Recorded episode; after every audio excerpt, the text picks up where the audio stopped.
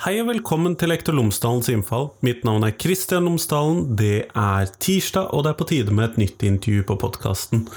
Denne gangen så snakker jeg med Marie Tinstad fra Raftosenteret i Bergen. Vi snakker om eh, hva hun fant ut i løpet av hennes masteroppgave om alternative opplæringsarenaer for menneskerettigheter, sånn som eksempel Rafto eller Utøya eller Falstadsenteret eller andre sånne type sentre rundt omkring i Norge. Hvordan fungerer disse alternative arenaene for elevene. Hva bidrar de med for noe ekstra? Det er det som kanskje jeg syns er interessant her. Men det kommer nå etterpå. Men som alltid, podkasten er sponset av Cappelen Dam Undervisning, og hvis du går inn på skolen.cdu.no, så finner du alle de forskjellige oppleggene og ressursene, oppgavene, alt sammen, som Cappelen Dam Utdanning har laget i forbindelse med fagfornyelsen i grunnskolen. Du finner alt sammen der. Det er mulig at du til og med har tilgang til skolen.cdu.no fra arbeidsgiveren din, eh, fordi at det har mange skoler og kommuner kjøpt, men du har kanskje ikke testet ut ennå. Hvis ikke skolen din har kjøpt inn ennå, så er det mulig med sånn prøveordninger, har jeg hørt noe om sommeren. Sånn at eh, du kan teste det ut, se om det er interessant for deg. Men i hvert fall skolen.cdu.no. Her kommer intervjuet med Marie, vær så god.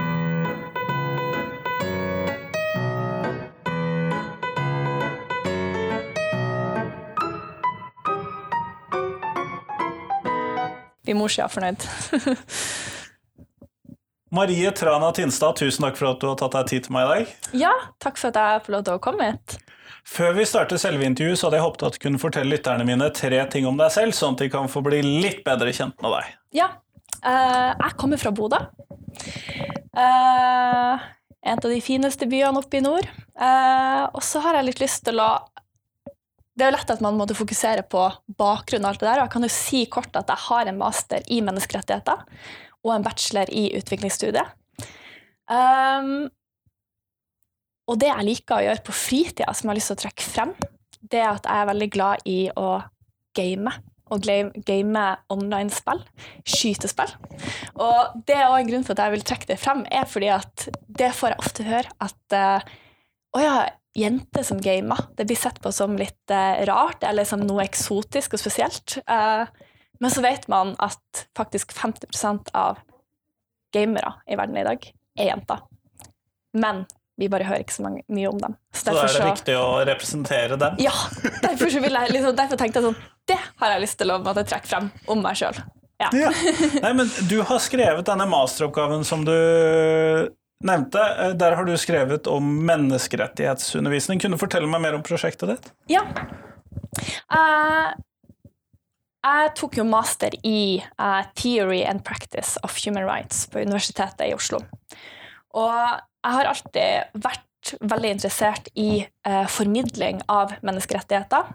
Har tidligere jobba i Amnesty International og jobba mye frivillig. Og vært veldig opptatt av at jeg sjøl har lyst til å gjøre en forskjell i verden og kunne endre verden. Og spesielt da jeg var litt yngre, så hadde jeg en sånn tankegang. Og derfor, når jeg valgte prosjektet mitt for masteren, så eh, tenkte jeg at ja, men hva effekt har man av den formidlinga? De som eh, lærer om og gjennom menneskerettigheter, hva føler de etterpå?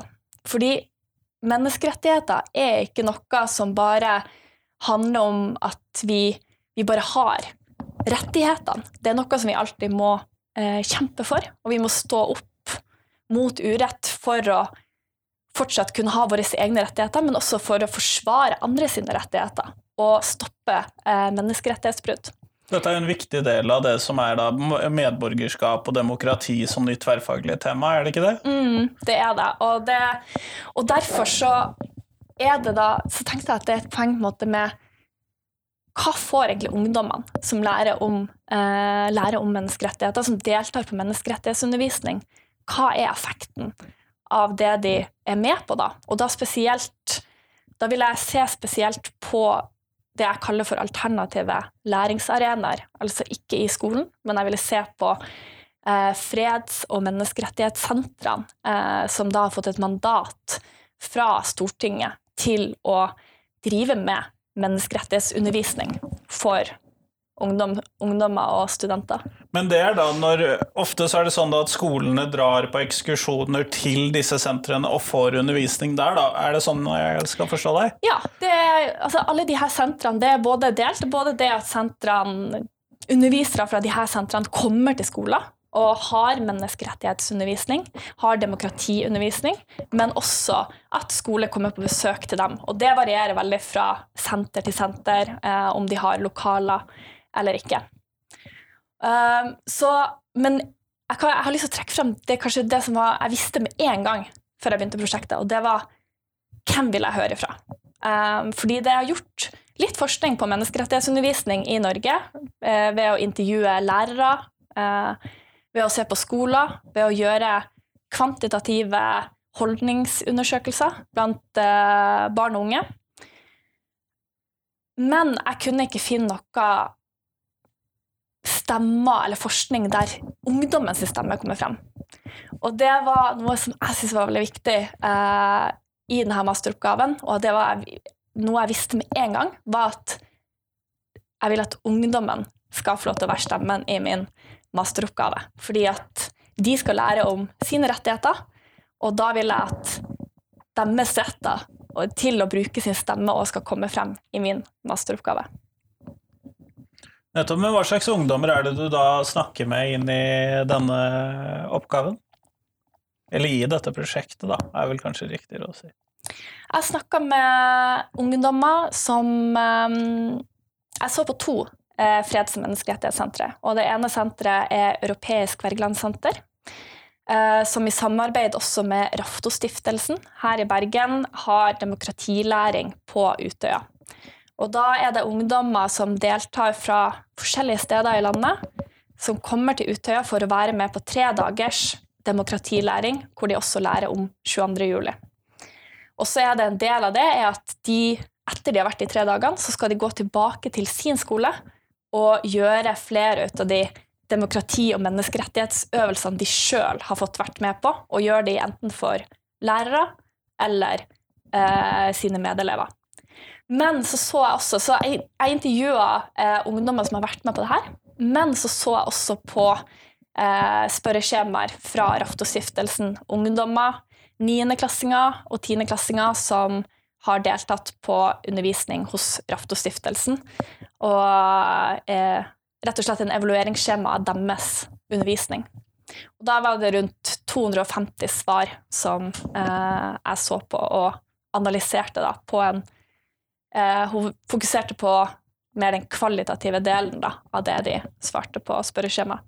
Nettopp, nettopp. Så du har snakket med noen, og så har du brukt disse spørreskjemaene? Ja, ja. og observert. Fordi jeg har jo også jobba med eh, På det tidspunktet jeg skrev masteren, så jobba jeg også som menneskerettighetsunderviser både på Rafto og har vært med på Utøya og undervist sjøl. Så jeg har også brukt mine observasjoner eh, i masteroppgaven min også for å støtte opp om eh, de svarene jeg har fått. Men mm. Eh, hva er det de lærer, eventuelt kanskje riktigere spørsmål, hva er det de opplever at de sitter igjen med, er vel kanskje det Det som skilte seg ut for meg, da, når, og det her gjelder både for eh, svarene fra spørreskjema, men også i intervjuene, og det de ungdommene var veldig opptatt av, var at de følte seg veldig fri til å si sin mening og uttrykke sin mening og danne mening. Uh, I mange av de spørre, svarene fra spørreskjemaet så var det flere som brukte ordet jeg følte meg, Det jeg likte best, var at jeg følte meg fri til å si min mening uh, og til å eh, diskutere. Og jeg kunne gjøre det uten å bli dømt. Og det var flere som nevnte akkurat det her, og det tok jeg da videre til intervjuene. og spurte da de elevene på, som hadde vært med på demokratilæring, for de trakk også det her frem som noe av det aller beste med å være med på denne menneskerettighetsundervisninga. Eh, og da trakk de frem det der med at både at de nøyt både den uenigheten De følte at de ble lytta til av både underviser, men også sine medelever. Eh, samtidig som at de likte både den uenigheten og den friheten da til at gjennom at det var lov, det var et rom der det var greit å ha uenighet, gjorde at de også følte at de kunne også komme med sin mening og lære av hverandre. Så det, det var noe som for meg utmerka meg, fordi jeg tenkte sånn Ok, men når de snakker om at de føler seg fri til å si sin mening, hva, hva betyr det? Føler de seg ikke fri andre steder? tenkte jeg da. Liksom, eh, hvorfor, hvorfor, er det når de går på skolen hver dag?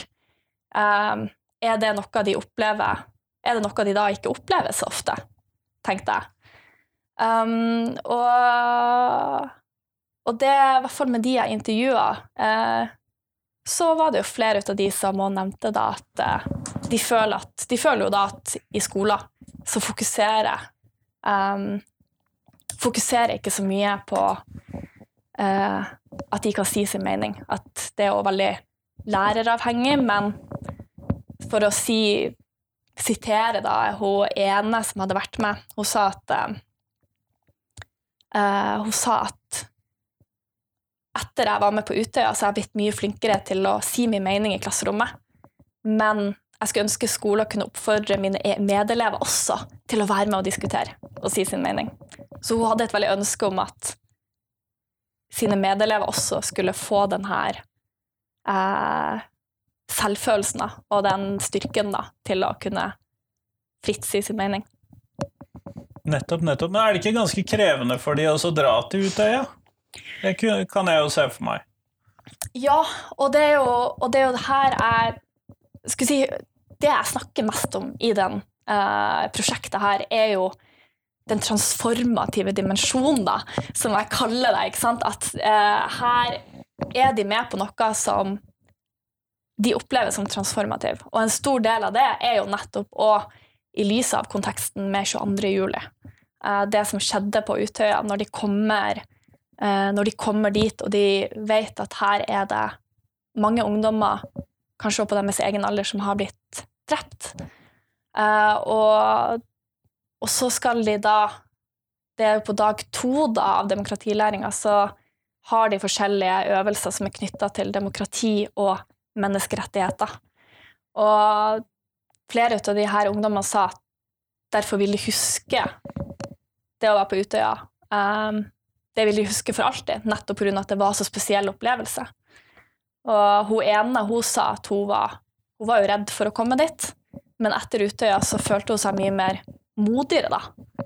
Modigere både i både det, ja, både det å si sin mening, men å delta i klasserommet etterpå, fordi at når hun klarte å være der på Utøya, og hun gjorde de øvelsene her, og hun dro dit selv om hun syntes det var skummelt, eh, så fikk hun en veldig økt selvfølelse etterpå for at hun var med på det og det hun fikk ut av det. Så ja. Så det, det, er jo det som Og det er jo det samme òg med de som jeg eh, stilte hadde analyserte spørreskjemaene til. De var jo med på holocaustundervisning. Så det er jo òg det de um, alle de her elevsvarene da har til felles, er jo at de har jo fått menneskerettighetsundervisning i kontekst av å lære om en grusom historisk hendelse. Ja. Eh, men opplever du at det har noe merverdi enn å ta opp de samme temaene i klasserommet?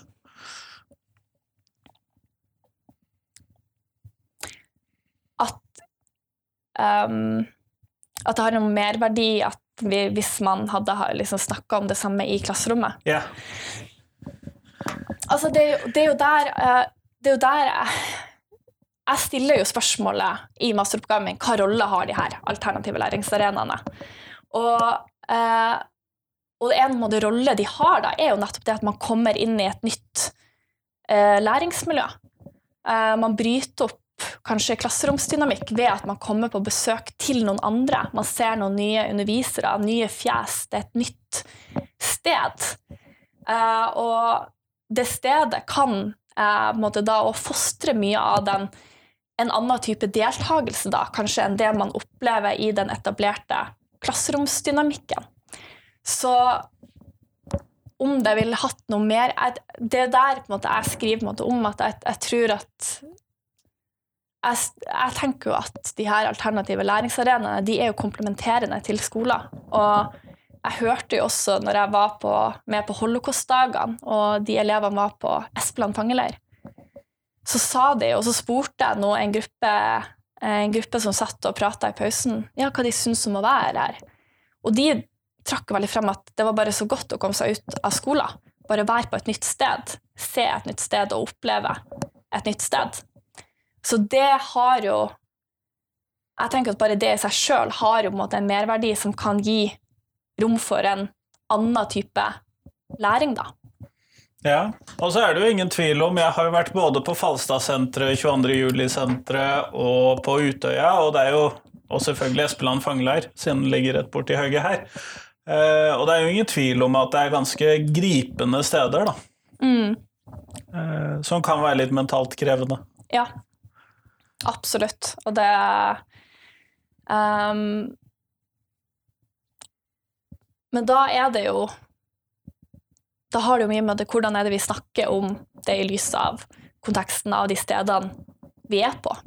Vi kan jo Man kan jo gjøre det til en sånn Nå skal vi føle veldig tristhet, og alt er forferdelig, ikke sant? Og uh, gjøre det på den måten. Eller så kan vi også på de her stedene ha den seriøse delen. Ja, det her skjedde, og det er grusomt. Men å trekke det også frem i den tida vi er i nå, da, og gjør det også Gjør de historiske hendelsene eh, til noe som også elevene kan relatere seg til i dag, ved å bruke da sine egne rettigheter, gi et rom der de kan eh, diskutere åpent eh, med hverandre. Og ikke legge føringer for hva de skal føle, tenker jeg også er viktig. Fordi de føler jo forskjellig når de kommer opp på sånne steder. Noen, noen føler kanskje veldig på at det er trist og tungt, og andre føler at nei, men det er så lenge siden, eller jeg, har, jeg klarer ikke å relatere meg til det her fordi det, det, føles fjernt. Og da er det viktig, tenker jeg, å på en måte ivareta alle elevene og alle elevene sine følelser på det. Men du snakket i stad om dette her med at menneskerettighetene er ikke noe som man bare har, det er noe vi må kjempe for å holde i live og opprettholde og bevare og utvikle potensielt også, vil, vil jeg legge til. Men opplever du at elevene forstår den dimensjonen av Eller informantene, da, i dette tilfellet. forstår den dimensjonen av besøket? Det er vanskelig å si. Altså, det er jo Jeg har inntrykk av at Og det her er også basert på Knut Westerdal og sin forskning eh, der han intervjua lærere, at den menneskerettighetsundervisninga generelt som mange av ungdommene får i dag, så, de, så det, gir det en veldig følelse av at menneskerettigheter, det har vi bare i Norge. Ja, det er, er universelt, og det skal være der. Og... Ja, det er, bare, det er, bare, noe vi har her. Norge er et bra, fint land. Så de som egentlig må kjempe for rettighetene sine, de er langt unna oss. Uh, de er i andre land. Uh, og det er jo der det er litt sånn som med måte, demokratiet. Jeg tenker at Vi kan jo ikke ta de her verken rettighetene, men heller demokratiet kan vi jo måte, ikke ta for gitt. Vi må alltid ha borgere i samfunnet som eh, vanner og utvikler det videre hele tida. Bare hele tida drive det videre og drive den samtalen videre. Og um, for meg så tenker jeg jo, og det snakker jeg jo på en måte litt om her i masteroppgaven òg, at ungdommer uh, de, Det er lett å tenke at ja, men de skal være fremtidens borgere når de er 18. ikke sant?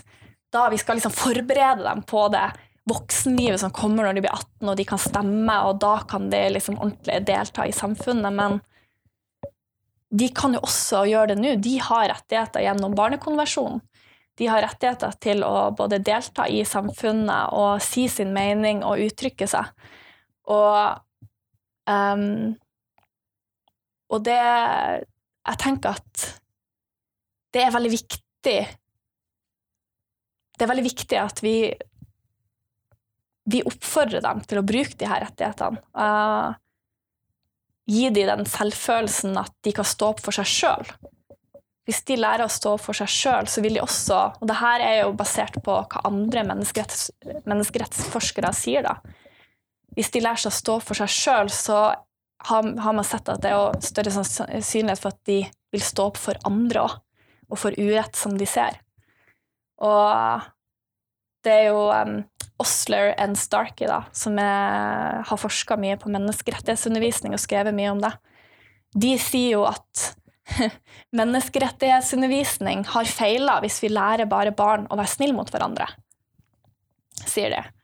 Um, et ganske givende sitat, egentlig. Ja, ja, ikke sant? Og det er liksom, jeg tenkte Med en gang jeg leste det, tenkte jeg jo på kardemommeloven. ikke sant? Nei, menneskerettighetsundervisning skal ikke være kardemommeloven, det skal være noe mer. Det skal også være den Når vi ser urett, så har vi eh, Så føler vi da for Det finnes ikke et godt norsk ord for det, men så føler vi på en måte empowered til å stå opp for våre og andre sine rettigheter. Fordi det er et ansvar som staten har, hovedsakelig, men også vi som individ, å sørge for at menneskerettighetene blir respektert.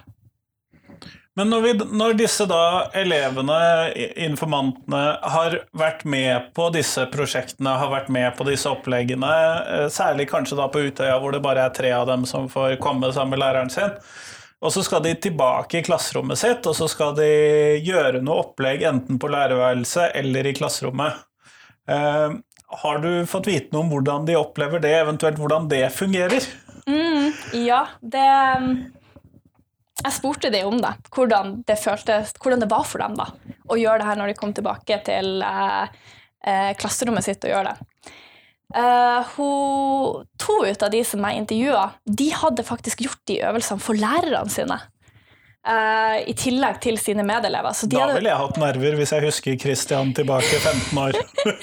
ja, ikke sant? Og det, uh, og det, var jo noe som de sa de syntes var veldig skummelt å gjøre. Um, hun ene hun sa jo at at hun så det. Liksom, jeg måtte se på de som er elever. Og de snakka veldig om det å bytte den her maktrelasjonen, eller den rollen, da. Uh, og åh, skal vi se om jeg finner um, um, Ja. Så hun ene hun sa at ja, det var veldig rart å skulle bestemme over sine lærere og være på en måte en elev til lærer, og så bestemme over dem, da. Det var en veldig rar følelse, men samtidig litt deilig, sa hun. Så hun følte jo da, og spesielt hun ene eleven, hun følte igjen hun trakk frem det at åh, jeg følte meg skikkelig modig for det, å gjøre det her, fordi hun sa jo også at ja, men voksne og lærere, de vet jo alt, og de har jo alltid rett. Var jo eh, eh, ord hun måtte bruke om det. Så Derfor så syntes hun det var ekstra skummelt å skulle gjøre det. Men hun hadde jo også fått støtte av sin egen lærer. Der måtte den læreren hadde oppfordra henne til at ja, nei, nå er du lærer. Du skal bestemme. så de syntes jo det var veldig artig. Og det her er jo noe, og det her er jo noe som uh, jeg mener er jo veldig viktig da, innimellom å, å ha en bevissthet rundt de her makt Eh, relasjonene da, som vi har da, som underviser og elev. Um,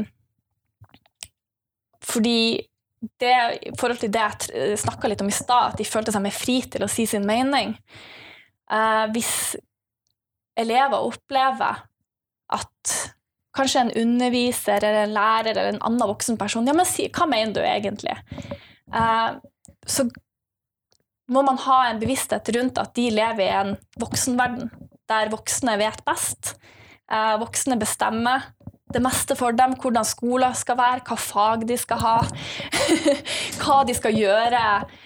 Eh, nesten til enhver tid. Ja, nesten til enhver tid. Um, og da når vi da skal på en måte invitere dem til dialog og medvirkning, så er det viktig å ha en bevissthet rundt på en måte, men hva, hva er det egentlig er det en reell medvirkning her vi faktisk har i det rommet, som vi skaper for dem. Fordi hvis elevene også føler, når de blir bedt om å si sin egen mening, men så føler de at ja, men læreren er egentlig ute etter Prøvesvaret. Ja, ikke sant? Eller er ikke sant? Så da rekker jeg opp handa, så blir det mer en prestasjon da, å rekke opp handa, enn faktisk et uttrykk for sine egne meninger.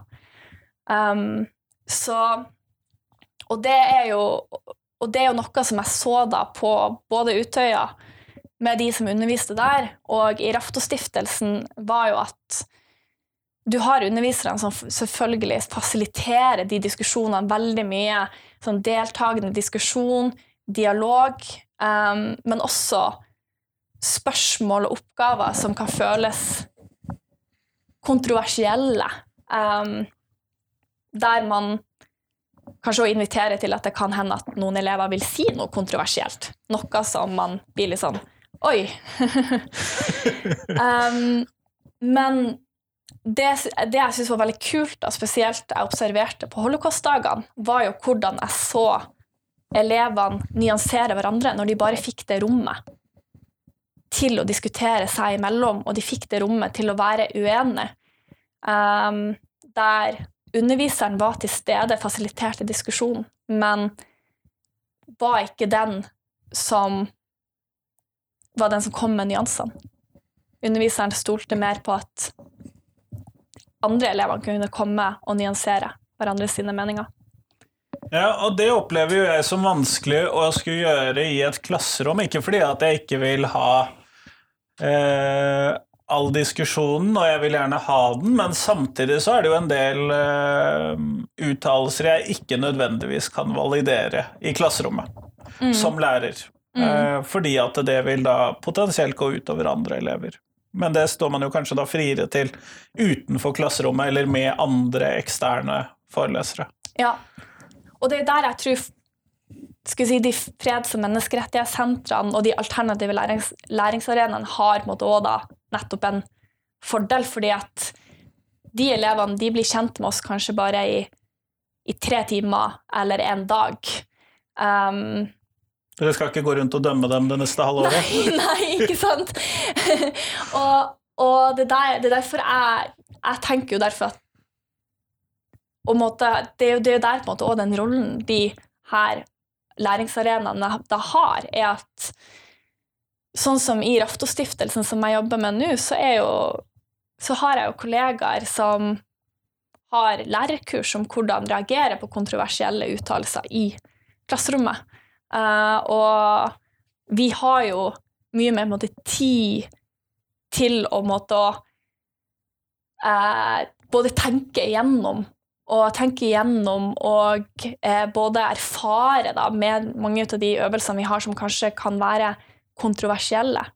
Til hvordan reagerer vi, hva gjør vi eh, hvis det veldig Hvis det kommer ekstreme meninger.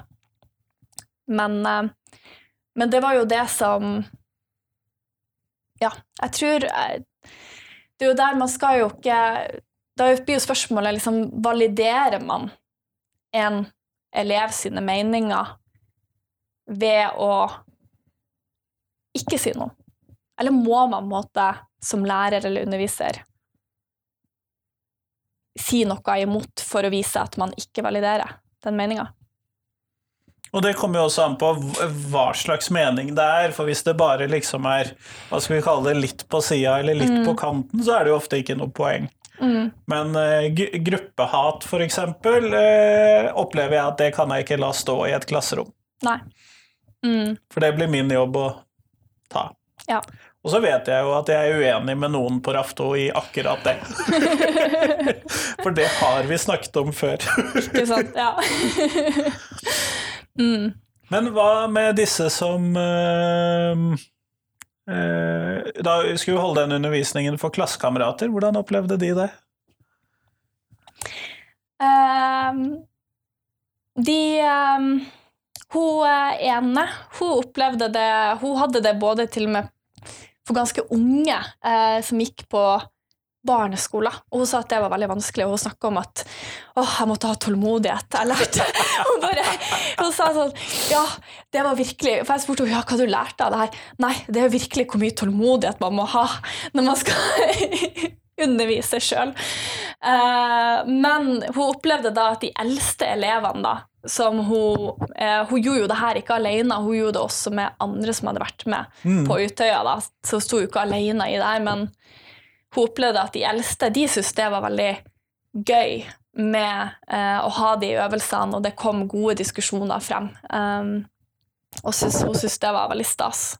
Det er jo et modningsperspektiv her, både på den som underviser og de som blir undervist. Mm, ja, ikke sant? Så det var jo det hun opplevde. Og det kan jeg også si at alle de her elevene som er med på demokratilæring på Utøya, de er jo rundt 14-15 år. For det var mitt neste spørsmål, for vi har jo faktisk ikke Mm. Nei. snakket om aldersgruppa på disse.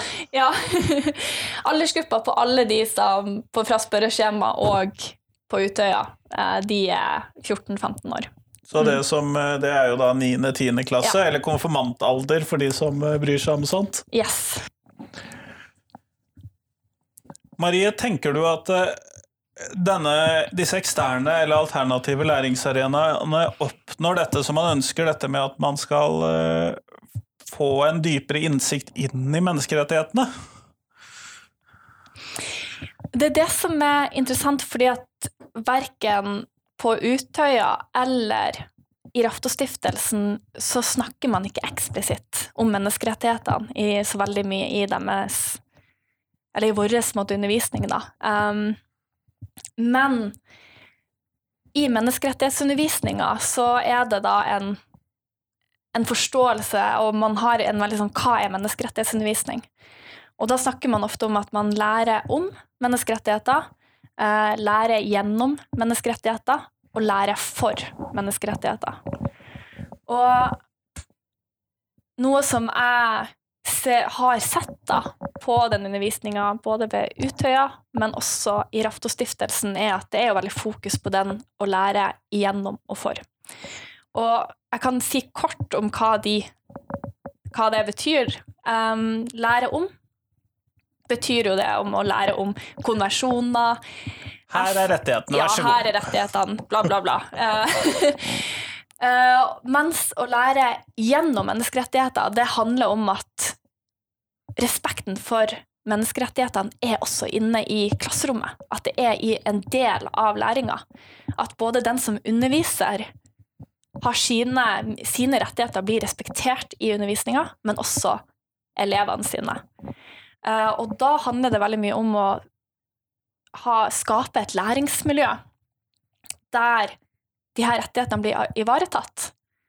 Så da eh, handler det både om å gi det rommet for at man virkelig reelt sett kan si sin mening, men også gi et rom der man også lytter til hverandre. For det er også en viktig del av det. For det er ikke bare sånn at man Jeg tenkte Det er ikke et mål om at man skal skape krangling og diskusjon. At nå skal vi, liksom, vi være uenige, men det er også et mål om at eh, man føler at man også blir lytta til. Og det tror jeg òg er en viktig del av det å, kunne føle sine rettigheter respektert, og at den blir ivaretatt. At man føler at når jeg sier min mening, så hører jeg faktisk mine medelever på meg. Selv om ikke de er enige, så hører de på meg, de lytter til meg. Og det gjør også underviser. Og så har du det å lære for eh, menneskerettigheter, som eh, har den som baserer seg på den transformative delen av menneskerettigheter og menneskerettighetsundervisning. At man får ferdigheter, ikke bare i teori, men i praksis. At man får øvd på sine demokratiske ferdigheter, som man kaller det. Både det å delta, lytte til andre, eh, kritisk reflektere, både på seg sjøl, men òg det man hører og lærer om. Og at man da føler seg sterk nok, eller for å bruke igjen det ordet empowerment, de føler seg empowered da, til å stå opp for sine egne rettigheter og andre sine rettigheter. Kan, et eksempel på det kan være at man føler at, at en elev tenker at nå har jeg øvd meg på hva jeg skal si hvis jeg hører hattprat. Når jeg har øvd meg på det, og derfor så føler jeg meg mer rusta til å kanskje si ifra eller gjøre noe hvis jeg opplever hatprat i det virkelige liv. så Og da for å svare på spørsmålet er at det jeg opplevde da, og det jeg skriver om i masteroppgaven min, er jo nettopp det at denne undervisninga, menneskerettighetsundervisninga som både er på Utøya og som er i Rafto, er veldig lite om menneskerettigheter. Men det er veldig mye gjennom menneskerettigheter og for menneskerettigheter. Så de lærer å bruke sine rettigheter i undervisninga. Og forhåpentligvis kanskje de vil ta det ut i det virkelige liv. Men disse elevene, eh, informantene, de, hadde de noen tanker om hva de ville gjort hvis de skulle være, stå for denne undervisningen, eller være i skolen eller klasserommet, eller eh, som, en sånn, som lærere?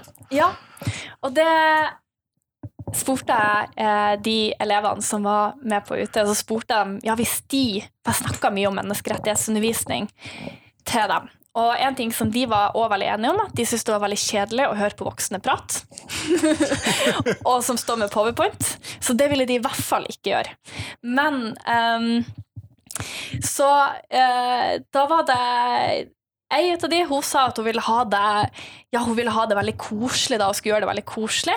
Men eh, det som hun syntes var veldig viktig, var at eh, det var det nettopp det å gjøre øvelser, og at det var viktig at elevene skulle få prate og si sin mening.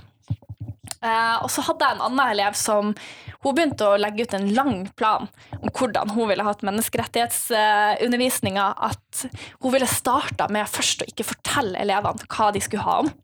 Hva de skulle lære om, eller hva temaet var. Og så skulle hun sette opp et rollespill. Der eh, man skulle ha mange situasjoner, eh, og der hver elev de skulle spille forskjellige personer. Og så skulle hun da, som underviser, være, i en rolle som skulle spørre sånn her, ja, men har du rett til å gjøre det? Og har du rett til å gjøre det? Uh, og, da, og hva tenker du om at du ikke får lov til å ytre din mening hvis det var en person som ikke hadde den retten? Så hun la frem en sånn lang, fin, jeg synes veldig artig plan, og noe som jeg, jeg sjøl mener da er jo veldig i tråd med det jeg mener menneskerettighetsundervisning faktisk skal være, er jo nettopp det å, å både oppleve, føle på og bruke sine rettigheter i praksis, ikke bare lære om det i teori. Og føle også på at det er noe som gjelder for meg her og nå. Ikke noe som verken gjelder det, det kommer ikke når jeg blir 18 år og skal ha meninger om det, men det gjelder for meg nå. Og det gjelder også for meg, selv om jeg bor i et så godt og fint land som Norge så kan jeg ikke ta de her rettighetene for gitt. Og jeg kan ikke ta det for gitt at alle også i Norge har samme muligheter og tilgang på skal si, rettighetene sine. Ja, ja. Mm. Kjempeflott. Vi går mot slutten av podkastintervjuet, og da skal jeg stille deg det samme spørsmålet som jeg stiller alle jeg intervjuer. Og hva er de tre viktigste tingene skolen lærer elevene? De tre viktigste tingene det er jo Jeg må svare litt basert på det jeg skriver i masteroppgaven min nå, da. Så, men eh, det er også basert på liksom min opplevelse av som jeg husker hvordan det var å gå på skolen. Og jeg mener at det viktigste skoler lærer elever, det er å fortsette å stille spørsmål. For eksempel, man, barn stiller jo mye spørsmål. Ja, men hvorfor det? Hvorfor må vi lære det her? Hva er grunnen for det? Og det er jo veldig gode spørsmål å stille og som utfordrer oss som er undervisere, til å hele tida ha en bevissthet. Ja, hvorfor lærer jeg elevene det her og det her? Så jeg syns det er viktig at skoler da vi måtte ikke lære om, men at vi helt oppfordrer elevene til å fortsette å stille de her spørsmålene, selv om kanskje det er irriterende for oss å hele tida få Kanskje spørsmålet er hvorfor det, hvorfor det. Ja. at vi fortsetter å oppfordre dem til det. At vi, at vi skaper også rom for at nysgjerrighet kan blomstre. Uh, at å se, rett og slett se enkeltelever, enkeltelever hvis det er noe som de er nysgjerrige på å vite mer om. At vi uh, fostrer under det, at vi, vi bygger opp under den nysgjerrigheten som ungdommer og barn har. Og så nummer tre, at, som jeg mener kanskje er det aller, aller viktigste, som er basert på det jeg skriver, det at vi eh, lærer elever at de betyr noe her og nå.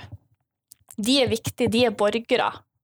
Selv om ikke de har blitt 18 år og kan stemme ved valg og alt det der, så er de viktige her og nå. Deres stemme og deres meninger er, er viktige.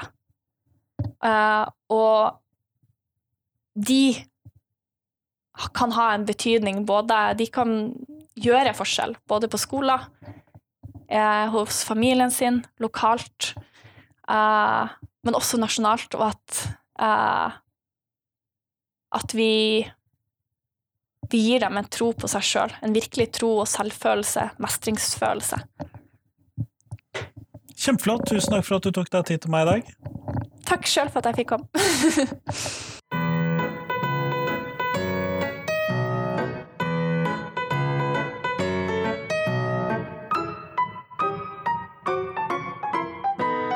Tusen takk til Marie, og tusen takk til deg som hørte på. Nå er det fram til eh, fredag, så kommer det en ny episode på podkasten. Det fortsetter vi med gjennom hele sommerferien. Så du kan glede deg over å få mye innsikt i skolepolitikk. Det blir det i hvert fall nå i juli.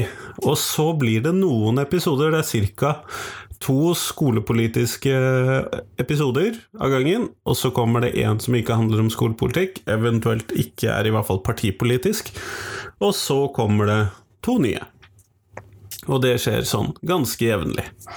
Men det får du glede deg over i sommerferien. Hør gjerne på gamle episoder, og del gjerne podkasten min med noen som du tror vil sette pris på den.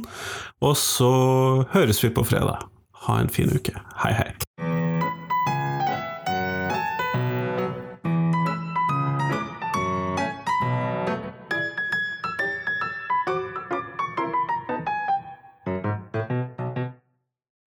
Husk det at du kan gå inn på iTunes, podkaster andre steder, og så rate podkasten. Det blir jeg kjempeglad for. Gjerne full pott, selvfølgelig. Men vi høres!